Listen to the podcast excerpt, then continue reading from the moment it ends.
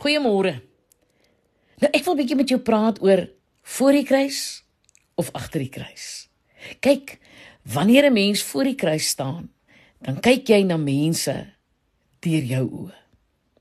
Maar die oomblik wanneer jy agter die kruis inskuif, dan kyk jy deur die lens van Jesus se oë. En dan dan lyk mense nogal anders. Dit dikwels oordeel ons mense voor ons hulle volle verhaal ken. Ons het ons nog nie in hulle posisie bevind nie. Ons weet nie deur watter beproewings hulle is nie. Ons weet nie hoe hulle groot geword het nie. Ons weet glad nie watter uitdagings hulle in die gesig staar nie. Al indruk wat ons aanvanklik het is dat die ou baie nors is of dat sy vreemde klere dra of dat hy baie emosionele bagasie saamsleep.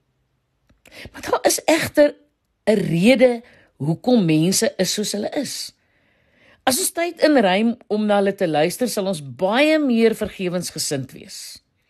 As ons verstaan waarteen hulle moes beklei, watter pyn hulle moes verduur en ag jong, hoeveel mense hulle leed aangedoen het, dink ek sal ons baie meer genadig wees.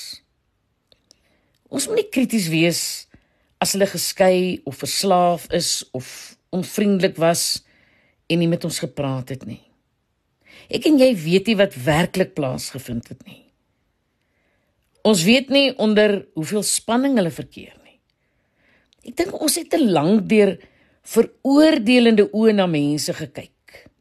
Ek wil jou uitdaag om mense se slag net deur liefdevolle oë te sien. Voor die kruis te staan nie, maar agter die kruis. Eerder as om mense te kritiseer en te negeer, behoort jy tyd in te ruim om hulle te leer ken. Vas te stel wie hulle nou eintlik is.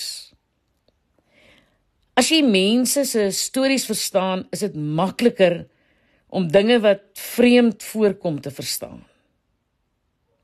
Is nie manier waarop ons mense beoordeel is dit dikwels op ons eie agtergrond en ervarings gebaseer. As ons op sekere terreine sterk is, waar ander mense swak is, is dit maklik om te dink, "Oeg, ek sal dit nooit doen nie. Ek sal nooit so stuurs wees soos hierdie jong man nie. Ek sou nooit geskei het nie, want ek sou in elk geval nooit met daardie mens getrou het nie." Klik dit vir jou bekend?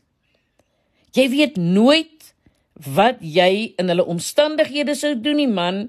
Jy het jou nog nooit in hulle posisie bevind nie. Jy is nie in hulle omgewing en jy het nie 'n idee hoe hulle grootgemaak is nie.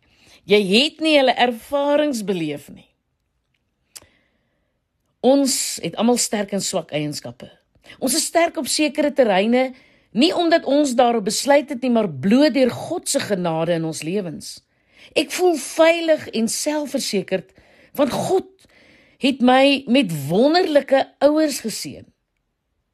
Ek het nie die reg gehad om mense al wat ek ontmoet het en geoordeel het te oordeel nie.